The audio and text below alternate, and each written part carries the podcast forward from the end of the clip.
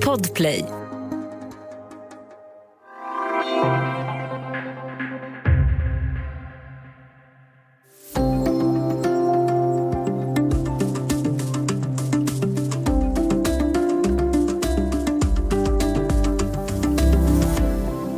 Människans fascination av rösten är gammal. En särskild plats har de allra högsta rösterna. Sopranerna, gosskörerna och så kastraterna. Under flera år skars testiklarna av på pojkar för att de skulle behålla sina ljusa, vackra röster. Några av dem fick höga positioner och strålande karriärer. För andra gick det inte lika bra. Gemensamt för alla kastratsångare var att ingreppet totalt förändrade deras liv. Välkommen till Studio DN. Jag heter Sanna Thorén Björling.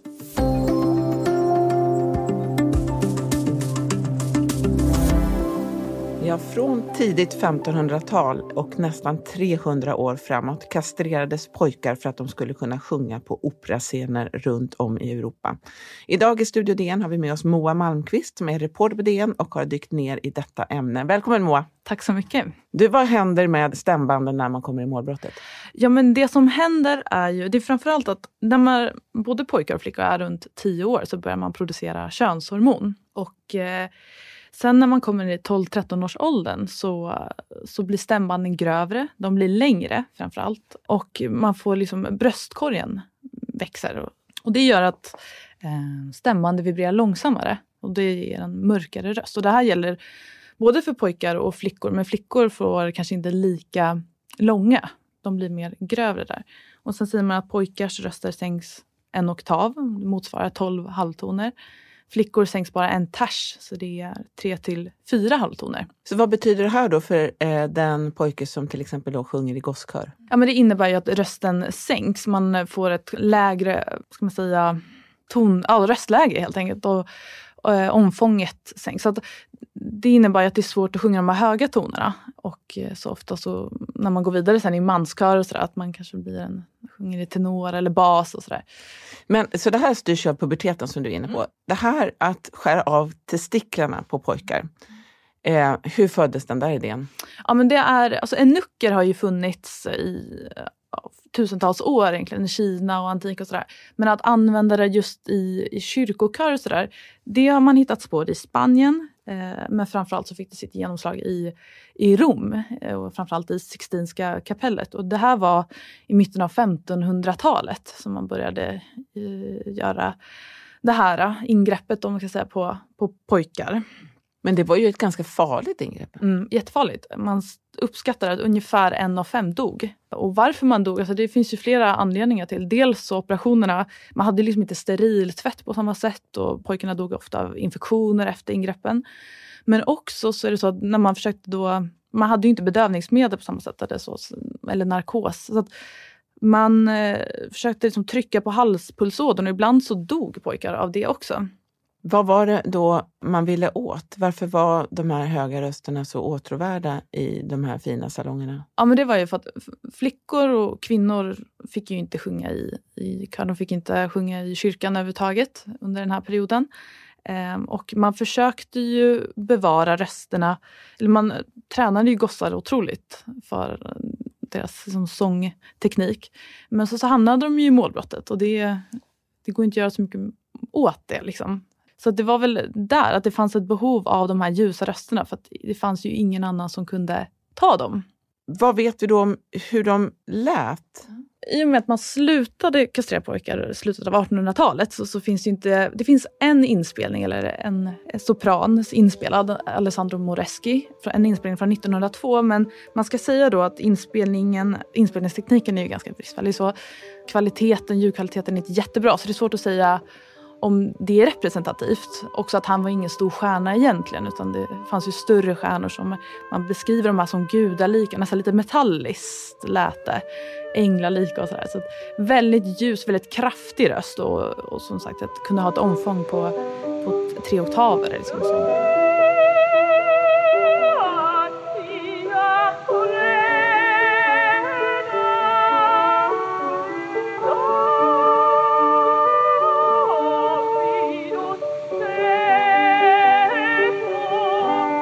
Alessandro Moreschi från början av 1900-talet. Mm. Du är inne på det lite att den här, man hindrar eh, utvecklingen av stämbanden men man får en större bröstkorg. Det är det som gör att det inte, är ju inte en vanlig gosse som sjunger utan det är en man med Precis, exakt. Och, och de pojkarna som också kastrerades de skolades ju liksom i jättehårt eh, just för lungvolymen. Alltså de ju, hade ju lungor som elitidrottare. Så de kunde ju, det finns ju berättelser om att de kunde hålla toner i minuter. Liksom. För, för några av de här eh, kastratsångarna så gick det ju väldigt bra. Hur, hur kunde en karriär för en framgångsrik kastratsångare mm. se ut? Den eh, absolut mest framstående, eller den kändaste är ju Farinelli och han växte ju upp i en lågadlig familj. Och det var ju i och för sig inte jättevanligt ska sägas för att många kastrater eh, var ju kom ju från fattiga familjer. Och så kom ju liksom då musiklärare eller sånglärare eh, och så erbjöd de då en, en som rikedom och liksom att om vi kastrerar er son så kommer han bli en framgångsrik sångare. Men eh, i Farinellis fall så så han kommer från en lågadlig familj och hans bror eh, Riccardo Broschi var ju också en, är ju också en framgångsrik kompositör. Men man tror att, att hans pappa dog när Farinelli som hette Car Carlo Broschi födelsenamn, ska säga. Hans pappa dog eh, strax innan Carlo då hamnade i målbrottet. Eh, så att då förlorade familjen sin eh, inkomstbringare. Och då kastrerades Farinelli och man säger att han eh, skadade testiklarna efter en fallolycka från en häst. Han skolades av då en eh, sån erkänd och väldigt eh, känd också sånglärare, Nicola Porpora, som också då skrev operor och var en kompositör. Så att han skolades av honom i flera år. Och det här var ju också under när operans intåg. Så att alltså, han blev ju snarare en operastjärna än en, en gossopran. Och turnerade ju, han blev ju enorm. Eh, turnerade framförallt i London, i Spanien mycket. Och var väl eh, typ exempel också på just de här att virtuosa sångarna. Att, att det fanns ett intresse för en soloartist på, ett annat sätt. Liksom. Och han var ju då, blev ju en storstjärna. Precis, mm. han var en storstjärna och kompositörer som Händel liksom bönade ju bad ju för att få, få jobba med honom. Men tydligen så var Farinelli en riktig diva. Eh, och var ju verkligen så att han han ville inte åka till England för där var luften så dålig för hans röst och liksom hade ju många sådana grejer för sig. Eh, också att man ska säga att de här operorna då i, i England och sådär, de alltså blev ju ruinerade för att de tog så, de här operasångarna då tog ju så enorma gage och tjänade ju, blev ju jätterika. Och nu pratar vi 1700-tal? 1700, nu precis. Och, exakt, Farinelli är väl född i början av 1700-talet så han slog väl igenom 1730 ungefär. Där Ja, och det fanns också då en annan sida av myntet och den ska vi prata om efter paus.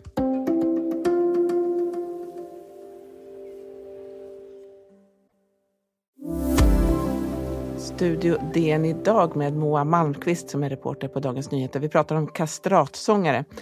Och du, jag undrar, det här att avbryta en normal hormonell utveckling eh, hos en pojke, det får ju andra konsekvenser än bara på stambanden. Hur då? När man går igenom puberteten så testosteronet då, som man producerar både hos pojkar och flickor, det gör ju att man får den här pubertetsspurten. Man liksom blir jättelång, kanske på en sommar. Det fick ju inte kastraterna, utan de liksom växte långsamt men säkert. Det är också i de här könshormonerna som man producerar som gör det att liksom skelettet, man slutar växa, att eh, stabiliseras alltså och förstelnar. Det hade ju inte heller kastraterna, så att de fortsatte växa och sen växte de. Liksom. Så att eh, när de var vuxna hade de ju väldigt långa ben, väldigt långa armar, långa händer. De fick ju inte heller någon eh, sån manlig behåring. Ingen skäggväxt, inget hår på bröstet. Sådär. Deras könsorgan växte inte. Så att de de såg ju ut som långa pojkar egentligen. Man kan ju säga eh, väl att de ansågs lite grann könlösa då, som någon slags mellanting mellan en man och en pojke och kanske en kvinna. Hur, hur, mm.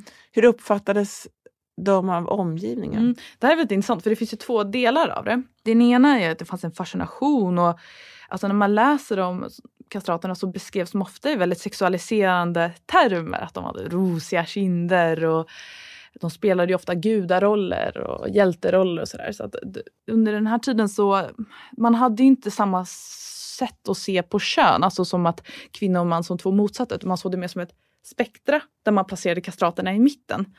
Och det gjorde att de här attraherade ju både män och kvinnor. Det finns mycket berättelser om turister, både män och kvinnor, som efter då en operaföreställning går bakom scen och försöker förföra den här hjälten då, eller sopranen. Så vi, oavsett om det är en kvinnlig eller en, en kastrat. Också föll de ju offer för prostitution ska sägas. Också. Ehm, de som, det var ju knappast alla som hade en lika framgångsrik karriär som Farinelli. Ehm, och det fanns ju inte samma skyddsnät på samma som det gör idag. Nej, du var inne på det att det, var, det är mm. liksom två delar i det. Mm. ena är att de då blev sexualiserade, och upphöjda. Ja. Hur ser den andra sidan ut? Ja, men det är ju att de var missfoster eller halvmän, att de var eh, onaturliga och det fanns många karikatyrer på, så, på, på kastrater. Att det fanns något sånt monster. Att det, så att man ska ju säga att de, de var ju hyllade och så, men det var ju alltid inom ramen för musiken de hade ju ingen hög status i samhället, då, förutom enstaka fall då, som kanske Farinelli. Men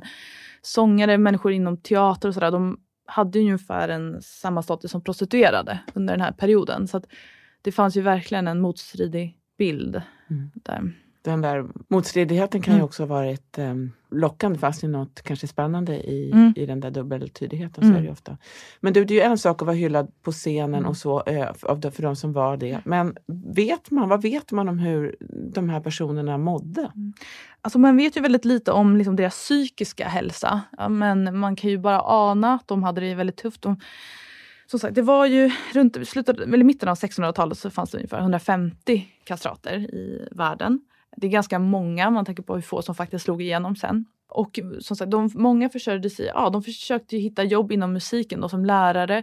Många blev notkopister, alltså kopierade nothäften, noter. Man kunde ju heller inte skaffa barn. Då. Det finns ju fall av, det finns ju berättat att folk har gift sig och sådär. Men det, ja, man kunde inte bilda familj och får man ju då ha i tanke då att de hade ju den här sociala statusen då sågs ju många som monster. Eller? Det var ju inte, man, det var också, pratade om att det här var störst i Italien, i södra, södra mm. Europa, men att det kom också till andra länder. Hur, hur, det var ju inte tillåtet i så väldigt många länder, själva operationen. Mm. Hur såg det ut till exempel i Sverige? Mm. Det finns, vad man vet, inga svenska kastrater. Däremot eh, drottning Kristina var ju väldigt fascinerad av det här. Så hon hade ju, tog ju hem från Italien, jag tror runt åtta kastratsångare. Det fanns någon i Danmark, någon i Polen i, men det är liksom det man vet. I Frankrike såg man ju, tyckte man ju väldigt illa om kastratsångare. Där hade det en väldigt låg status och man tyckte att det var konstigt och sådär. I England var det ju väldigt populärt med de här stora stjärnorna. Som sagt att Händel var ju väldigt fascinerad av, av Farinelli framförallt. Eh, och där kunde man också säga att det fanns liksom nästan som eh, som att det finns rap battles idag så fanns det liksom det mellan kastrater. Att, det, att de kunde sjunga mot varandra. Att det var som en tävling. Att det, det fanns en, en helt annan syn på det i, i England. Då. Intressant. Mm. Men så småningom så händer ju någonting då. Inte bara synen på själva operationen och att det här är någon eh, misshandel då egentligen. Utan det händer ju också något med de musikaliska trenderna. Mm.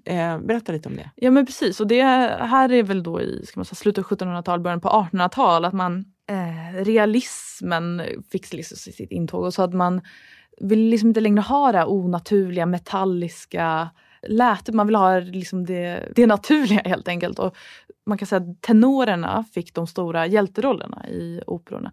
För de hade ju liksom fått stå tillbaka. De var ju nästan inte ens med i de här stora operadramerna. Utan, men nu helt plötsligt så, så var det liksom de här mörka rösterna, maskulina tenorerna som, som blev de nya hjältarna och stjärnorna verkligen.